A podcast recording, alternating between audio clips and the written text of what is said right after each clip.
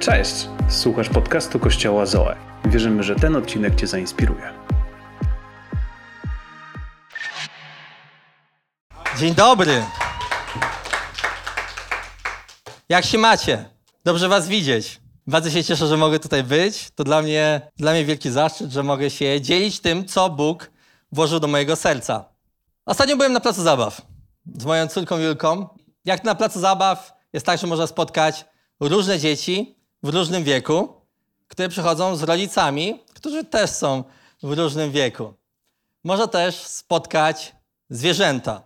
I o ile jest regulamin placu zabaw, jest ogrodzony plac zabaw, wytyczone miejsce, siatka i na tym jest regulamin, tam jest taki piktogram pies, nie, kot, nie, to ktoś, kto robił ten regulamin, nie przewidział, że jeden z rodziców postanowi przyjść z żółwiem. I żółw, wszyscy wiemy jak wygląda, kojarzy nam się z robieniem czegoś wolno, z robieniem czegoś powoli. O, rusza się jak żółw, rusza się jak ślimak. To jest takie zwierzę, które kojarzy się z takim, może trochę nawet lenistwem. No ale dzieciaki y, zazwyczaj, może nawet niektóre z nich nigdy na oczy nie widziały żółwia takiego prawdziwego, a co dopiero, żeby móc podejść, y, go podotykać, y, pogłaskać. Oczywiście żółw był przerażony, nie chciał w ogóle z nimi gadać. Ja się nie dziwię, bo w momencie, kiedy on stał i 15-20 dzieci naokoło niego i wszystkie tylko tak chciały go palcem go tak dotknąć, ta właścicielka, nie, nie, nie, nie dotykajcie, nie dotykajcie, bo gryzie. Ja od razu mówię, że to nie był dobry pomysł przynieść tego żółwia tam, bo te dzieci go najpierw go wymęczyły, a kiedy wymęczyły go i zobaczyły, że on nie chce się z nim bawić, to zostawiły go. Jak go zostawiły, to on zaczął buszować po tym placu zabaw. Tam jest wysoka taka nieobcięta trawa i ten żółw w tej trawie się tak gubił i on miał, taki, on miał taką zabawę, on się tak brał jakiś taki jeden kierunek i się odpalał i po prostu biegł po tej. I ja byłem w szoku. Ja nie wiedziałem, ja myślałem, że żółwie są wolne, ale ten żółw, ten żółw był jakiś namaszczony. On po prostu się odpalał i po prostu biegł, aż dobiegł do siatki, wbijał się głową w tę siatkę, próbował się po niej wspinać, wywracał się przy tym i później tak zastygał. Później właścicielka podchodziła, brała tego żółwia, cofała go, stawiała go w innym kierunku i on znowu się odpalał i on znowu biegł w jakimś kierunku i po prostu za każdym razem walił się głową w tą siatkę, obracał się, przewracał się i czekał po prostu zastygnięty, niech mi ktoś pomoże. I jak zobaczyłem tego żółwia, jak zobaczyłem, jak on to robi, że on tak biegnie i się wbija, to zainspirowało mnie to do dzisiejszego słowa. Także chciałbym dzisiaj mówić o żółwiach i nazwałem to słowo utknąłem, jak wyjść. Tutaj mamy poglądowego żółwia. Właśnie tak. My możemy być czasem w takiej sytuacji. My możemy czasem skończyć jak ten żółw. Pod ścianą, bez wyjścia, obróceni do góry nogami i machamy nóżkami, rączkami, próbujemy zrobić wszystko, w naszej, co możemy w naszej mocy i, i nie dajemy rady i nie ma to żadnego znaczenia. Podejrzewam, że każdy z nas kiedyś utknął, każdy z nas był kiedyś w takiej sytuacji, że może zatrzasnął się gdzieś, zatrzasnął się w łazience, zamknął się w mieszkaniu, nie mógł z czegoś wyjść i wbrew swojej woli jak znajdował się w jakimś miejscu, czy to fizycznym, czy to psychicznym. Sprawdziłem definicję słownikową, by dowiedzieć się, co znaczy utknąć. Zobaczmy, co na to słownik mówi. Pierwsza definicja to jest zatrzymać się, nie mogąc dalej jechać, poruszać się. Druga, zostać przerwanym na skutek jakiejś trudności. Albo osiedlić się gdzieś na dłużej, przeważnie wbrew swoim chęciom, ambicjom, planom. Tak mówi słownik. Ale ta definicja, podejrzewam, że dla każdego z nas oznacza co innego. Gdyby w tym momencie, tak jak siedzimy i mamy swój telefon, gdyby w tym momencie zaczął dzwonić nasz telefon i podnosimy, patrzymy, że ktoś dzwoni, jakiś nieznany numer, Pewnie niektórzy z nas by w ogóle nie odebrali, ale załóżmy, że odbieramy. Odbieramy, podnosimy słuchawkę do ucha, słyszymy tam głos bliskiej osoby, która z takim przejęciem, z takimi emocjami mówi: Pomocy, utknąłem, jestem w sytuacji wyj- wyjścia. Ile nas tutaj jest na tym miejscu, to każdy z nas w tym momencie ma inny scenariusz przed oczyma. Dla każdego z nas to znaczy co innego. Dla każdego z nas to słowo utknąłem, jestem w sytuacji bez wyjścia, znaczy coś innego.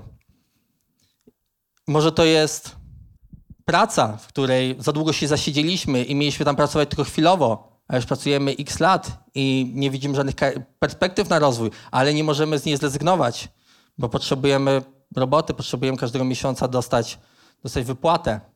A może za długo utknęliśmy w bezrobociu i szukamy nowego, nowego miejsca, nowej pracy, wysyłamy CV bez odpowiedzi. Może utknęliśmy w jakiejś relacji, którą czujemy, że powinniśmy, powinniśmy zmienić, coś powiedzieć, może skończyć, a może potrzebujemy, żeby Bóg przyszedł i tam zainterweniował, ale nie możemy się do tego zebrać. Nie mamy siły, żeby to zrobić. A może to jest mniej coś takiego psychicznego, a bardziej coś takiego fizycznego.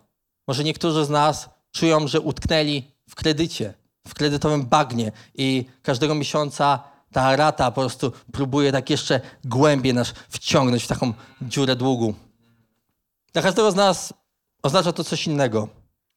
I chciałem nas dzisiaj zachęcić, że niezależnie od tego, co to jest, jak poważne to jest, jak duże to jest, jak małe to jest, Bóg może zmienić naszą sytuację.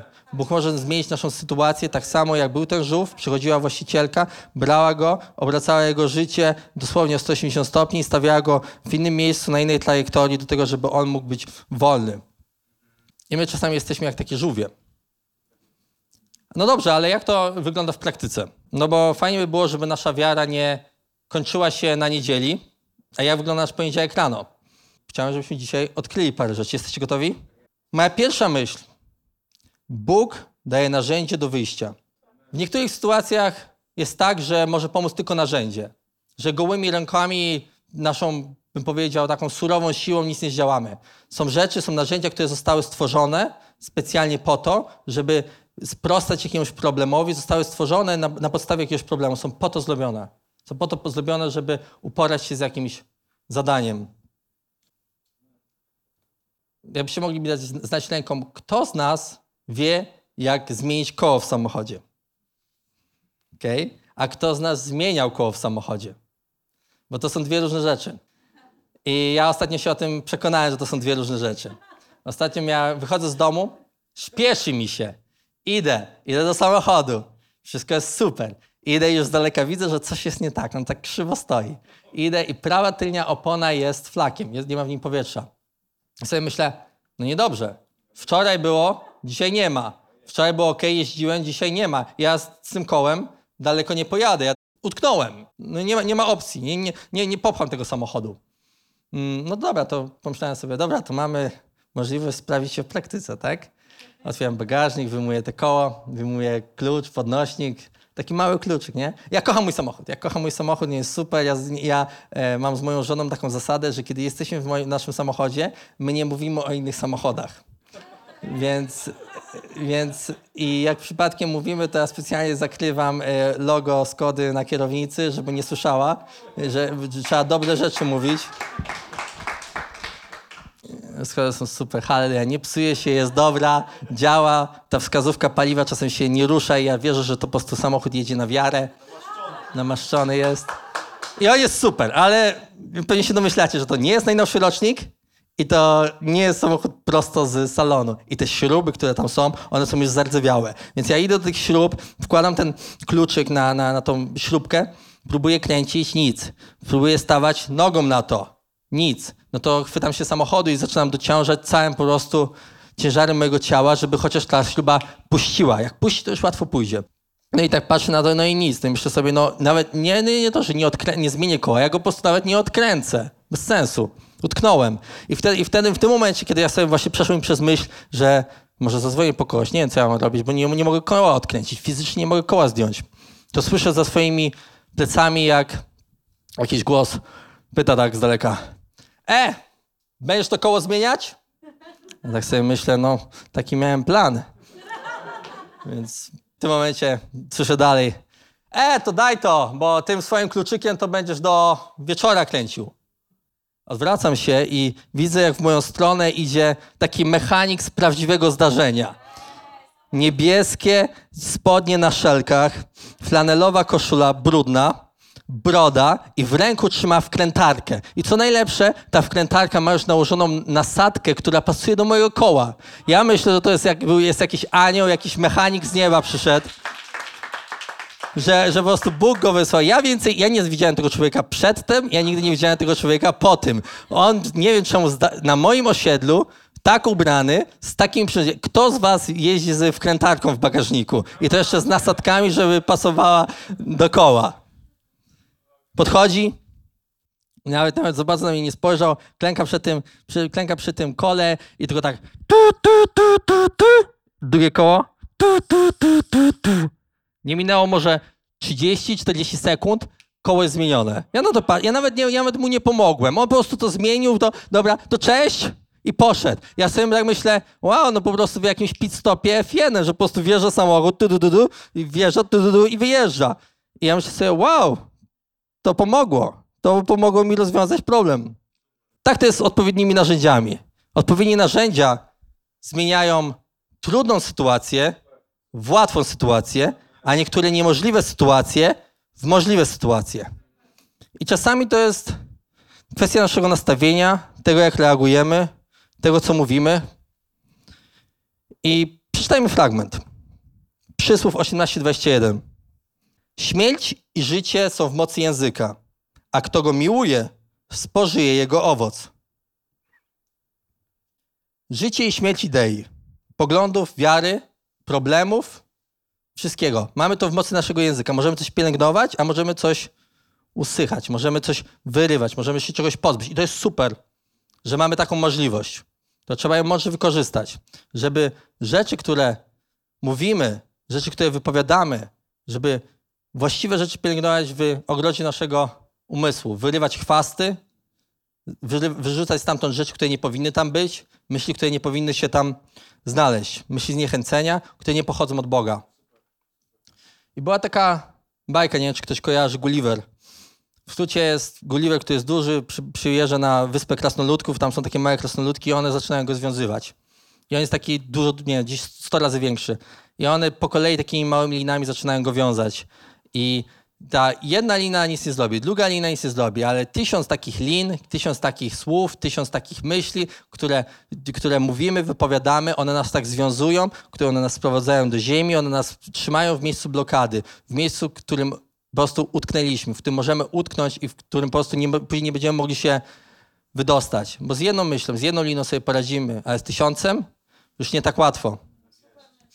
I to jest, to jest super ważne, co mówimy i nie tylko co mówimy na głos, ale co mówimy sami do siebie, nawet nie wypowiadając tylko w naszym wewnętrznym dialogu, co sobie, co myślimy, co myślimy o sobie. Dlaczego? Ponieważ rzeczy, które mówimy, stają się rzeczami, które myślimy, a rzeczy, które myślimy, stają się częścią nas.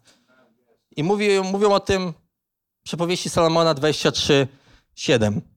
Bo jak myśli człowiek w swym sercu, takim on jest. Używajmy Biblii, by wypełnić nasz język, by używać tego narzędzia we właściwy sposób. Tak jak czytaliśmy na początku, życie i śmierci, praktycznie wszystko jest w jego mocy. Dobrze wie o tym Jozue. Jozuego 1,8. Niech ta księga prawa nie oddala się od twy, Twoich ust, ale rozmyślaj o niej w dnie i w nocy, abyś pilnował wypełnienia wszystkiego, co jest w niej napisane. Wtedy bowiem poszczęści się Twojej drodze i będzie Ci się wiodło. Kiedy nie wiemy, co mówimy, kiedy nie wiemy, co mówić, kiedy nie wiemy, w jaki sposób może zareagować na jakąś sytuację, albo kiedy możemy czuć się, że utknęliśmy, warto jest wrócić do Słowa Bożego, warto jest zobaczyć, co Bóg mówi na ten temat, co Bóg mówi o nas, jakie Bóg ma obietnice. To jest jedno z narzędzi. Drugie narzędzie, jakie Bóg nam daje, to modlitwa. Tam, gdzie nasze ludzkie wysiłki się kończą, tam wchodzi modlitwa. Są pewne rzeczy, których nie jesteśmy w stanie zrobić w po prostu w fizyczny sposób. I wtedy narzędzie modlitwy dosłownie porusza niebo. Chcemy czy nie chcemy, funkcjonujemy nie tylko w rzeczywistości tej namacalnej, tej, tej fizycznej, widzianej oczyma. Funkcjonujemy też w rzeczywistości duchowej. Efezjan 6:12. Nie toczymy bowiem walki przeciw krwi i ciału, ale przeciw zwierzchnościom. Jeśli utkniemy tutaj na ziemi, to modlitwa może poruszyć niebo. Jeśli coś dzieje się w wymiarze nieba, to później to, co jest na ziemi, tutaj w ciele, musi za tym po- podążać. Nie inaczej, nigdy w drugą stronę. Zawsze najpierw niebo, najpierw zwierzchności, później ciało. W Jakuba 5,16 czytamy jeden z moich ulubionych wersetów. O jednym z moich ulubionych bohaterów biblijnych. Modlitwa sprawiedliwego może odnieść wielki skutek. Eliasz był człowiekiem takim, jak każdy z nas. Modlił on się usilnie, żeby nie padał deszcz. I nie było deszczu na ziemi przez trzy lata i sześć miesięcy. Potem znów się modlił i z nieba spadł deszcz, aż ziemia wydała swój plon. Niech nas to zachęci do używania modlitwy. Jeśli w jego przypadku modlitwa mogła zablokować deszcz, a później zesłać deszcz, to jestem pewien, że modlitwa, i to nie w jednym miejscu, w całym kraju przez trzy lata, to jestem pewien, że w naszym życiu będziemy w stanie odblokować albo zablokować pewnego rodzaju deszcz nad nami. I każdy z nas może z tego korzystać, bo co tydzień mamy nasze karty modlitewne, mamy nasze karty wdzięczności i czytaliśmy je dzisiaj. I to jest taki praktyczne jakby przedstawienie tego, jak modlitwa, o co się modlimy i w jaki sposób modlitwa działa. W ten sposób też możemy być zachęceni tym, że Bóg odpowiada na nasze modlitwy poprzez karty wdzięczności. Możemy widzieć, co Bóg zrobił w naszym życiu. Jakiś czas temu Ania wracała z macierzyńskiego. Wracała z macierzyńskiego do, do, do pracy, tam miała dobry kontakt w miarę z tymi ludźmi, z którymi pracowała, więc y, tam była jakaś wiadomość, hej, e, czy wszystko ok, czy będzie dla mnie miejsce. Mówi, tak, tak, tak, będzie miejsce, wszystko fajnie, tak, chcemy cię, chodź, wracaj, będzie fajnie. Pierwszy tydzień wraca, jak to w takiej większej korporacji jest i musi załatwić jakieś sprawy z kadrami, musi załatwić jakieś sprawy nie z dostępami, rozliczenie urlopu, cokolwiek.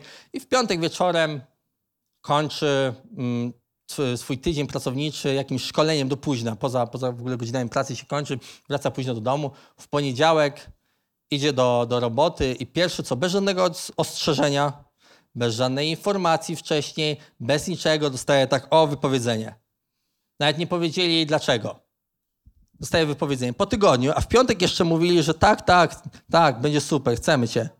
W poniedziałek rano, do widzenia. I to był dla nas szok. Nie tego się spodziewaliśmy, bo dostawaliśmy inne sygnały. Nie tak to planowaliśmy. W ogóle mieliśmy inny plan.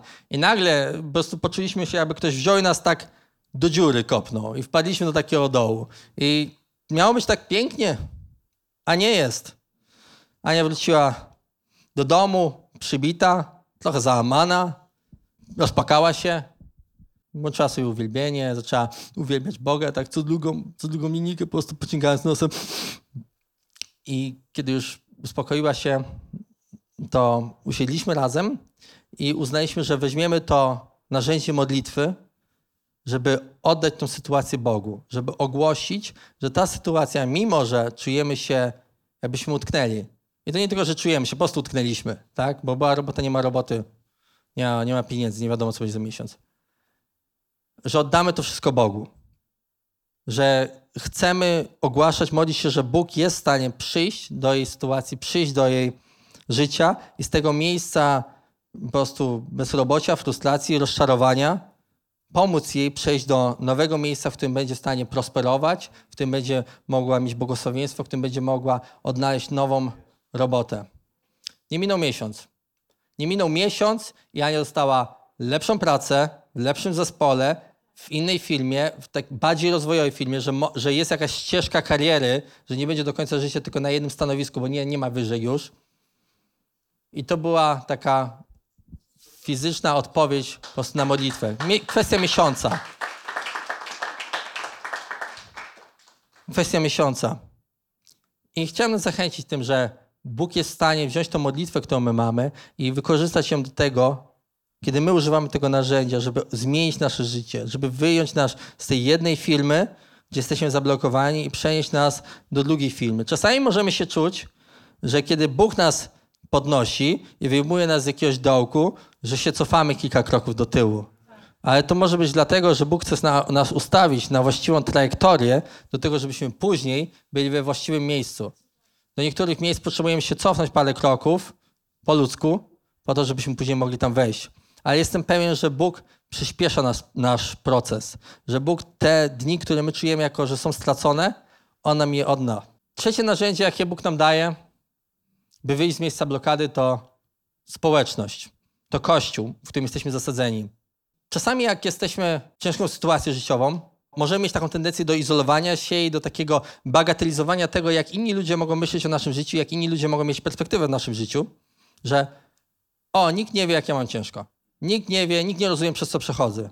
Nikt nie wie, nikt nie ma pojęcia, jak ciężko mi jest, z czym ja muszę się zmierzyć. Ale Bóg wie. Bóg dokładnie wie, przez co przechodzimy. Bóg dokładnie zna naszą sytuację. Bóg jest z nami w każdym momencie. I On otacza nas właściwymi ludźmi we właściwym sezonie. W taki sposób, żebyśmy później, właśnie przez Kościół, później mogli oglądać, jak przez świadectwa innych osób budowała się nasza wiara, po to, żebyśmy my mogli doświadczać świadectw, które, które później będą mogły zachęcać innych ludzi. I po to też, żebyśmy my mogli być właśnie tą Bożą ręką, która pomoże, która wyciągnie do czyjegoś życia. Bóg używa swoich ludzi. Bóg, Bóg używa właściwych połączeń, Bóg używa ludzi w naszym życiu do tego, żeby wykonać to, co On chce zrobić. I w Hebrajczyków 10:24 czytamy tak. Myślmy o sobie nawzajem, jak pobudzać się do miłości i do dobrych uczynków. Nie opuszczajmy przy tym wspólnych spotkań, co jest u niektórych w zwyczaju, lecz dodawajmy sobie otuchy. I to o tym bardziej, i to tym bardziej im wyraźniej widać, że zbliża się dzień. Amen. Społeczność Kościoła i ludzie, którzy tutaj są, wielokrotnie pomogli mi w trudnych sytuacjach. Też bycie w Kościele tak profilaktycznie pomogło mi nie, nie utknąć w, pierwszej kolejności. I tutaj poznałem swoją żonę. Amen.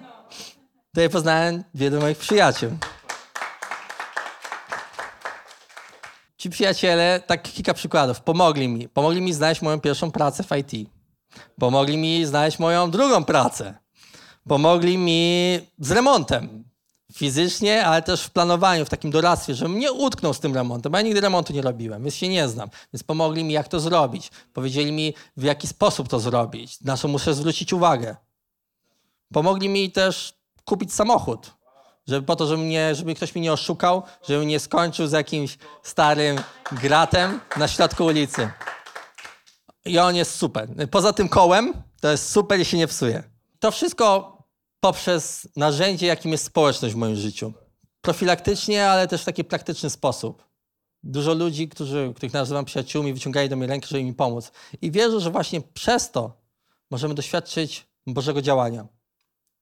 Jednak nie zawsze to jest takie proste. Nie zawsze życie jest takie kolorowe. I możemy mieć narzędzia, możemy wiedzieć, co zrobić w jakiej sytuacji, ale może nam brakować sił, może nam brakować energii. Co nam po narzędziach, jak nie mamy sił, żeby ich użyć? Jak ja w przypadku tego klucza. Mam narzędzie, nie mam siły go użyć. Filipian 4,13. Dzięki temu, który mnie umacnia, potrafię przetrwać w każdych warunkach. W każdych warunkach. Ale dzięki komu? Dzięki niemu, dzięki Bogu w tym wersecie. On nas umacnia. I czasami nie zdałem sobie sprawy z tego, że te dary, te talenty, te zdrowie, to, że dzisiaj przyszliśmy do kościoła, że mamy siłę, żeby wstać z łóżka, to jest od Boga. Że On nam daje to wszystko, On nam daje pełni sił. I bardzo często ja sobie o tym przypominam, że wiele rzeczy doceniam w momencie, kiedy to tracę. I chciałbym, chciałbym, życzę sobie, żebym częściej pamiętał o tej, o takich podstawowych rzeczach, które Bóg nam daje. O zdrowiu, o sile, o tym, że mogą dzisiaj się obudzić, że nie ma w moim kraju wojny. Amen. Podejrzewam, że każdy z nas czuł się, że doszedł do miejsca, w którym siła się skończyła.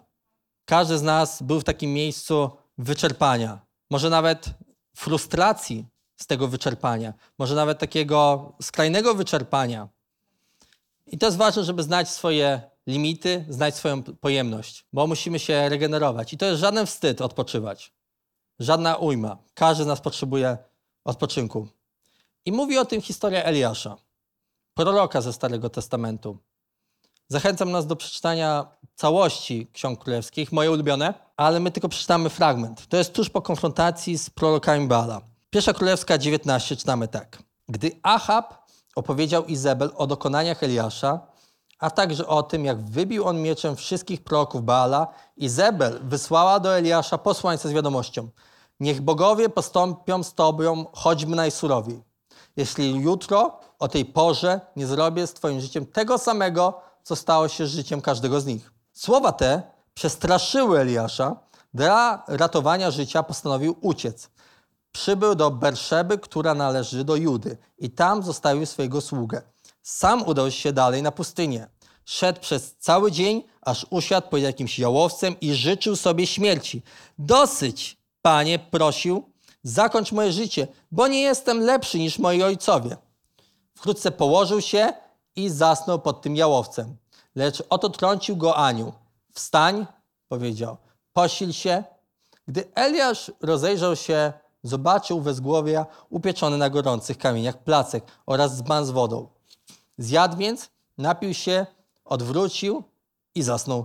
Ale anioł Pana wrócił, znów trącił go i powiedział, wstań, posil się, bo masz przed sobą jeszcze daleką drogę. Bardzo ciekawy fragment. Uwielbiam historię Eliasza, Elizeusza, ale to dwie rzeczy, które mnie e, dotknęły, które do mnie przemówiły w tej historii, to w pierwszej kolejności człowiek, Eliasz, prorok, który tak blisko współpracuje z Bogiem, ma tego typu problemy, prorok, który widział tyle cudów, tyle Bóg przez niego robił. On teraz jest tak przestraszony, on jest w takim miejscu, że on po prostu ucieka daleko na pustynię, po prostu prosto przy siebie, jak ten żółw z początku, aż po prostu doszedł do jakiegoś jełowca i panie, zabij mnie.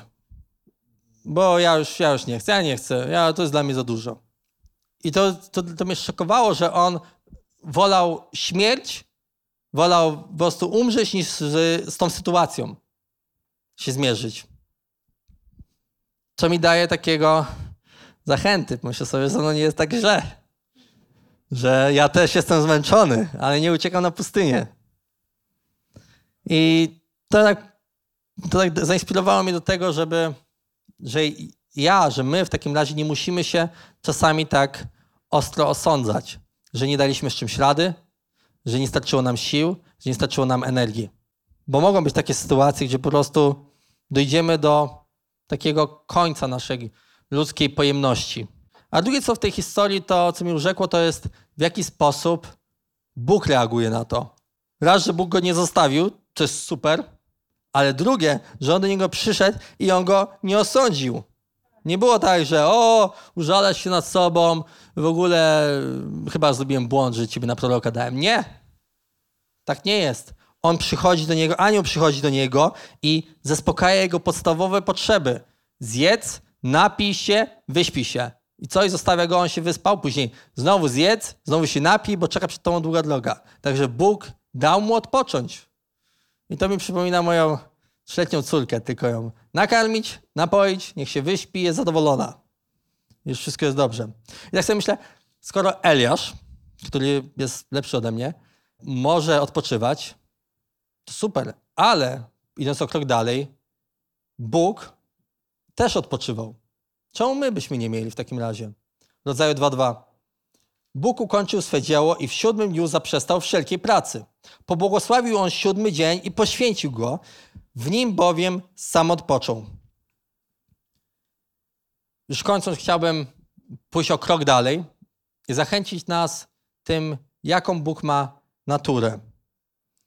Że gdzie nie będziemy, w jakiejkolwiek sytuacji życiowej nie będziemy, Bóg jest w stanie przyjść do naszej sytuacji, obrócić nasze życie o 180 stopni i ustawić nas na właściwą trajektorię, do tego, żebyśmy później znaleźli się w miejscu prosperowania, w miejscu błogosławieństwa. A czasami to może być proces. Czasami to może zająć chwilę. I to jest ok.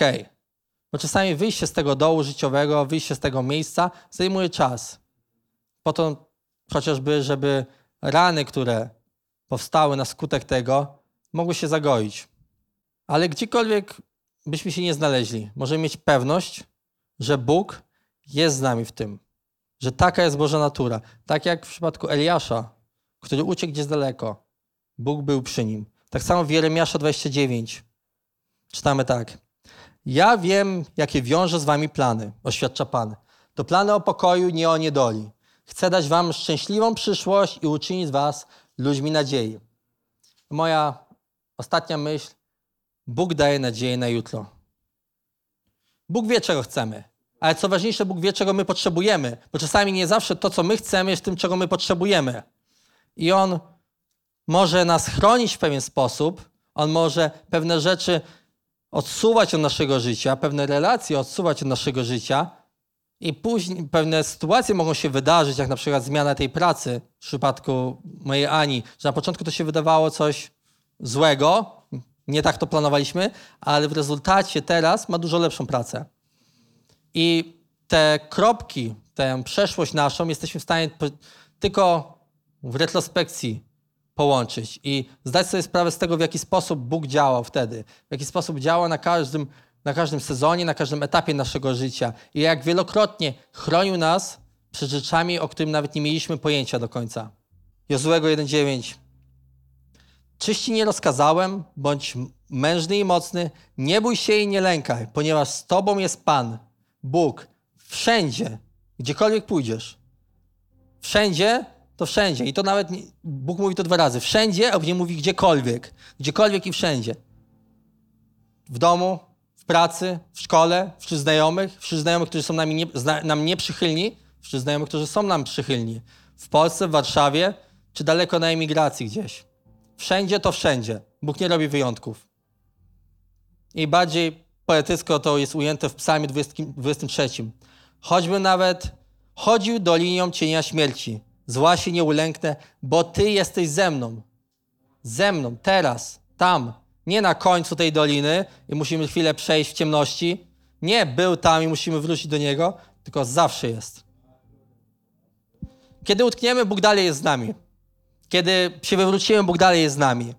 I kiedy idziemy tą ścieżką, idziemy tym miejscem, które Bóg przygotował dla nas i się potkniemy, wpadniemy do, jakiegoś, do jakiejś dziury, to chciałbym nas zachęcić do tego, że mimo wypadnięcia z tej trasy, z tej drogi, to nie wypadamy z Bożej łaski.